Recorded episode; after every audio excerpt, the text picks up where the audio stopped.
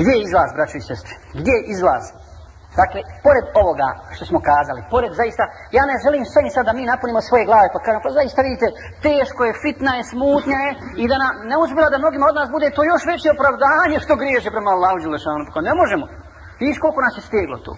Wallahi, Allah je dao izlaz izlaz i hoćemo da ga spomenemo u ime Allaha Đelešanuhu. Ako hoće, nek se predržava.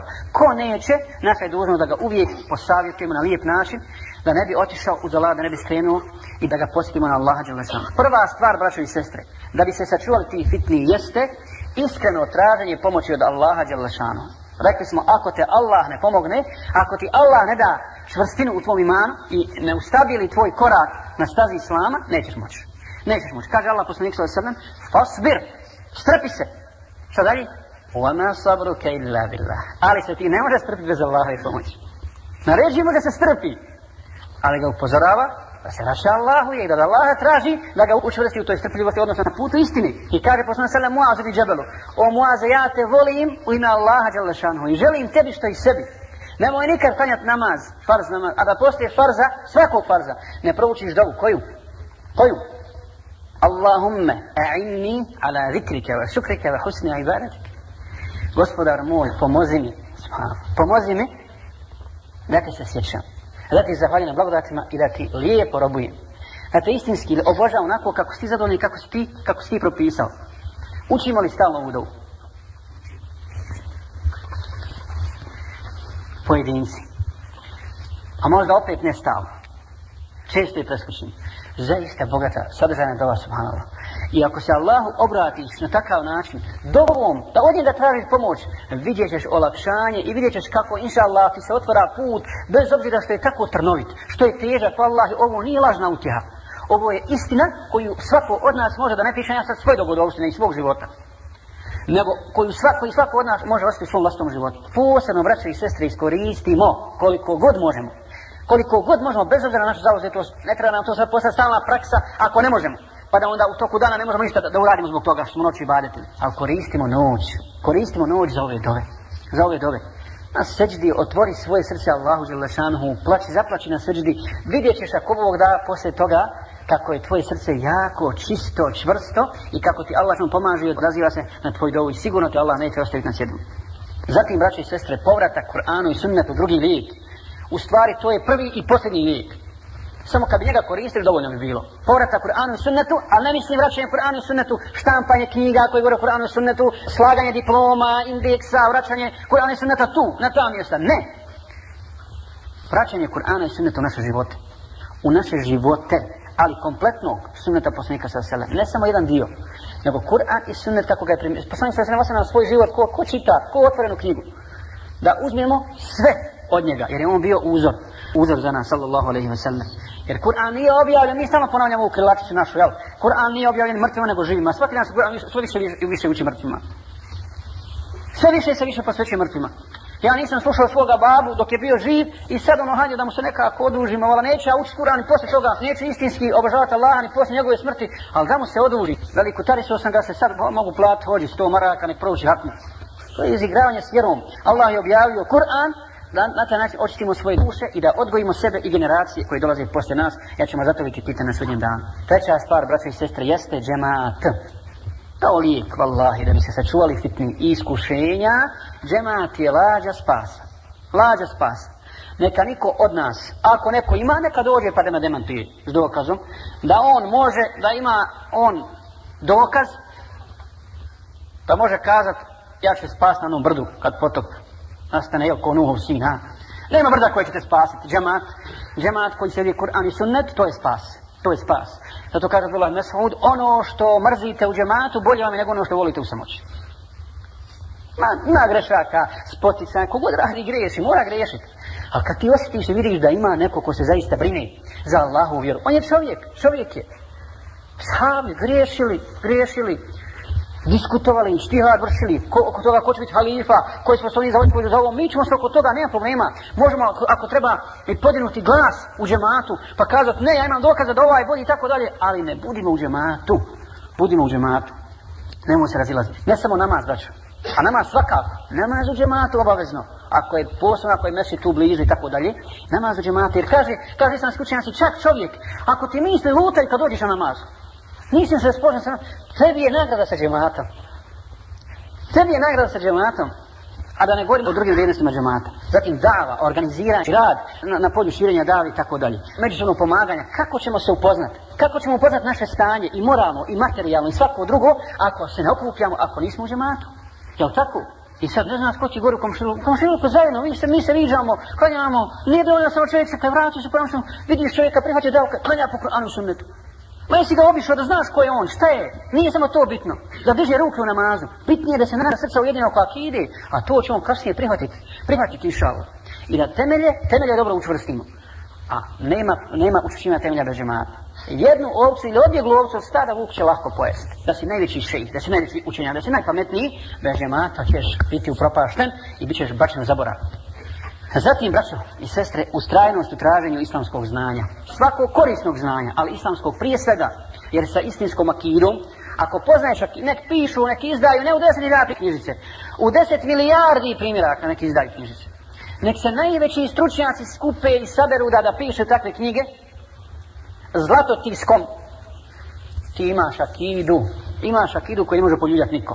Nek te baci među hinduse, među obožavavce krava, teladi i ostali hajvana koji obožavaju na Dunjavuku. Znaš šta je tvoja akida i kako ćeš ima prič i kako ćeš im objasniti akidu. Među kršćane, među kršćane. Meni se sviđa što je rekao jedan, jedan naš alim, drugom alimu pa sad prepucavaju međusobno u jednoj novini. Kada ovaj naš je isti papa, samo papa kaj, kad se pojavljuje bilo gdje on promoviše islam, ovaj promoviše sve, promoviše kršćanstvo, a ovaj promoviše sebe. U tome je razlika. U tome je razlika. Dakle, ja sa svojom akidom, gdje se god pojavim, subhanallah, ja hoću da izađem televiziju da kažem o islamu. Ne samo o islamu, nek nije islamska tema, ali ja hoću prosto da onaj, spomenem neke stvari koje su vezane za islam, neke vrijednosti, jer islam nema alternativu, subhanallah. A ne dođeš na ne kažeš ništa. Ovaj, svojom pojavom odišuje kršćanstvom i kufrom. Krst do koljena, da ne govorimo dalje, da ne govorimo dalje. I oni znaju kako, kako će raditi, zato im njihovi ljudi vjeruju. Narod im njihovo vjeruje jer ih vode onako kako treba. I čuvaju ih. I čuvaju. Čuvaju njihova prava. Čuvaju. Davno mi je, tako mi je Allaha, jedan čovjek prije, dakle prije onih prvih izbora. U jednom gradu, u jednom gradu, kaže jedan Hrvat. Ja kad nikad nisam išao u džamiju, dok nije zdeja pobjedila. Tada sam prvi put otišao i to na Bajram. Prvi put ušao u džamiju. Ali prije toga, prije toga, meni se jedan Hrvat žali i kaže, a Hrvat je neka visoka čivija u tom gradu bio, u sudu Helenese, i kaže, je možeš misliti kaj da me frata prozvao u crkvu pred svim ljudima. I ja kad dolazim na posao, neće moja obična sekretarca kaj sa mnom da govori. Komšiluk me izbjegava, svi izbjegavaju. Kaj što ne plaćam, no tamo imam svetnom članim. I što ne idem u crkvu, na njega. Gotovo, ja odbačim čovjek, nema.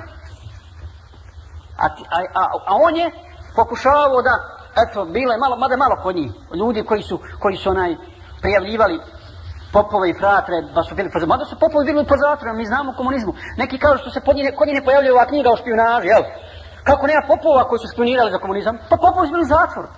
Kako će biti? Oni su čuvali svoju ideju, svoj kuf i bili su osnovu narodu stalno i bili su u zatvor. Pa onda Fadar kaže, e, sad ćeš ti koga ti u zatvor. Doćeš ti meni ovdje. Bićeš odbačen čitavog naroda. I kao iduće nedelje ja sam morao pokupiti sa svojom ženom i u crpu. ja sam kao teista, ubijeći ja teista, ne mislim u to, ali moram ići u crpu. Moram. Dakle, oni se brinu i čuvaju, čuvaju to. Vidjeli ste, vidjeli ste, ako ste možda gledali, pošto sam vraćao to neće kasnije iz Tuzli, pa sam upalio televizor kad je bio onaj Rožić i misa na TV Kiseljak kako fratar nam misli pohvaljuje pohvaljuje televizor Kiseljak i kaj molim vas jedan gromoglasni aplauz a misa, molitva jedan gromoglasni aplauz za našu televiziju i njenog direktora koji promiču naše ideje, koji se bore za katolike Hrvate ovdje u Bosni i tako dalje i tako dalje. Kod nas samo nek, samo nek te ne mogu prepoznati ni po izgledu, ni po ideji, ni po čemu, ni po čemu. Pa što se da čudiš što ne hoće svoje? Oni se bore za svoje. Čak u Republike Srpskoj imaš futbalski klub, oni se ne stidi toga, e, oni se ponose što je to tako, Crni Đorđe. Futbalski klub Crni Đorđe. A kod nas od futbalskog kluba Sarajeva da je napravljen kakav internacionalni klub, samo da se ne zna, nemoj to bošnjačko, čak ni bošnjačko, a da ne govorim muslimansko. Da govorim muslimansko. Pa nećete da ne oni poštivati, bo. Oni, pa šta očekuješ od njih, bo? Pa smiju ti se, smiju ti se. Obi Hrvati. Šta s tim? Ja vala, pa hoću da budem te nazivu. Pa ti nisi ba ništa. Bolje je biti nešto nego ništa. Ti nisi ništa. A očekuješ pomoć i podršku i poštovanje. Ne možeš ga očekivati. Dakle, moramo učiti istinsku akidu, vjeru, kako bi znali, znali se snaći u svakoj situaciji. Zatim, braći i sestre, zikr, spominjanje veličanja Allaha u svakoj situaciji. Vidimo kako su velika iskušenja teške fitne. Međutim, s druge strane vidimo kako je lahko zrati džennet lahko za ispasti se uz Allahovu pomoć i podršku. Jer Allah je otvorio nama vrata dobra, mnogog dobra, da zaradimo uz malo truda veliku nagradu. Wallahi veliku nagradu. Na kraju kajeva šta nam drugo preostaje? Allah je lesenuhu nama muslimanima ponudio, u stvari, omogućio da prodamo svoje živote. Sveđenje. Kako da prodamo? Mušterija ko je? Ko je kupac? Allah. On vlasnik naših života ali iz milosti prema nama, iz milosti omogućena da to, da to uradimo, da zaradimo džennet. I pogledajte u, u hadisu, koliko Allah nagrađuje dobra djela, u hadisu od Sejda ibn Sejjeba, od Abdurrahmana ibn Semure, kaže, Abdurrahman ibn Semure, sjedili smo jednoga dana u Medini, u hladovini, u jednog palmovika, kad je došao poslanik sa među nas i kaže, o ljudi, vidio sam sinoć, velika čuda, vidio sam krupne stvari, ili čudne stvari, vidio sam čovjeka iz moga ummeta, čovjeka iz moga umeta koji je bio izložen kaburskom azabu ili trebao da bude izložen kaburskom azabu pa dođe njegov abdes i spasi ga kaburskog azabu. A znači abdes, onaj stalni abdest, jel? Ne samo za namaz. Kada bi se na sebe ne čuva abdest, to si mu'min. Kad god izgubi abdest, dakle kad ostane bez abdesta, uzme, ako je moguće, se normalno. Jer to nije obavezno. Ali, da si stalno pod abdestom, to je al vodu silah al mu'min. To je abdest, je oružje vjernika. Oružje vjernika. Zatim, Kaže, vidio sam čovjeka iz moga ummeta, kojeg su opkolili šeitani, napali ga šeitani sa svih strana. Pa dovolj njegov zikr. I otjera šeitan. Čak usnu, subhanallah. Vjerojatno se dešavalo to da vas svaki šeitan i džin napadaju usnu, jel da? Ako si legao sa zikrom, napadne te, pritisne, ne da ti hoće da te zastraši, ali Allah tebi da čak usnu, nisi svjestan, subhanallah otvoriti tvoja usta i dati mogućnost da učiš audu billahi nešto jedno ili učiš kurzu falak ili ajeti kursi i tako dalje. Nešto od onih ajeta koji najviše smetaju šeitanu koji, koji tjeraju. A kamo, kamo na jav? Dakle, dođe zik i otjeraju. Vidio sam šeita iz moga umeta Kapsan Selem koji ga su bili uzeli meleki kazni. Meleki kazni da ga povedu u džehenne, da ga kazni. Pa kaj, pa dođe njegov namaz i uzije ga od njih i odvede u džennet spasi ga. Vidio sam čovjeka od moga umeta koji je skapavao od žeđi. Kad god priđe haudu, kad god priđe izvoru, biva otjera. Pa dođe na njegov post ramazanski i napoji ga na haudu, napoji ga na haudu. Zatim vidio sam čovjeka iz moga umeta koji je bio sa utmini. Iz prijeda, iz straga, iz desna, iz svijeva sa utmini, bio je očajan. Očajan. Pa dođe njegov plinjeni hađ i umra i zašto ga istetvine na svjetlo. Vidio sam taj čovjeka iz moga umeta koji je licem bio vođen prema vatre. Na licu, ne na nogama kada pa dođe njegova sadaka. Sadaka koji podijeluje na Allah Đelešanohu i ispriječi se između njega i vatre. I spasi ga, spasi ga od, od vatre. Vidio sam kada čovjeka od moga ummeta, sallam, koji je pokušavao da uspostavio sa muslimanima ostalim, da razgovara s njima, da, svi se okratali od njega. Pa dođete njegova rodbinska veza i kaže, o muslimani, ovaj čovjek je čuvao rodbinsku vezu na Dunjavuku, zašto ne pričate sa njim? Pa su mu se svi okrenuli i počeli se rukuju sa njim i da, i da sa njim razgovaraju. Vidio sam čovjeka iz moga umeta koji kleči na koljenima između njega i Allaha zastor. Mi znamo da će najveća nagrada za vjernike, molim Allah da nas počasti time biti, gledanje u Allahu lice. Kaže, pa dođe njegov lijep ahlak i stinu taj zastor između njega i Allaha subhanahu wa ta'ala. Vidio sam kaj čovjeka iz moga umeta Vidio sam čovjeka iz moga umeta koji je bio poveden u vatru. Poveden je bio u džehennem, pa dođeše njegove suze koje je plivo iz straha od Allaha Đelešanohu i spasu. I vidio sam čovjeka iz moga umeta koji je bio došao do džennetske kapije, pa mu bi zaključan. I dođe njegov šehadet. A znamo šta je? Ključ od dženneta, jel? La ilaha illallah Muhammad Rasulullah. I otključaše se vrata i on uđe, uđe u džennet.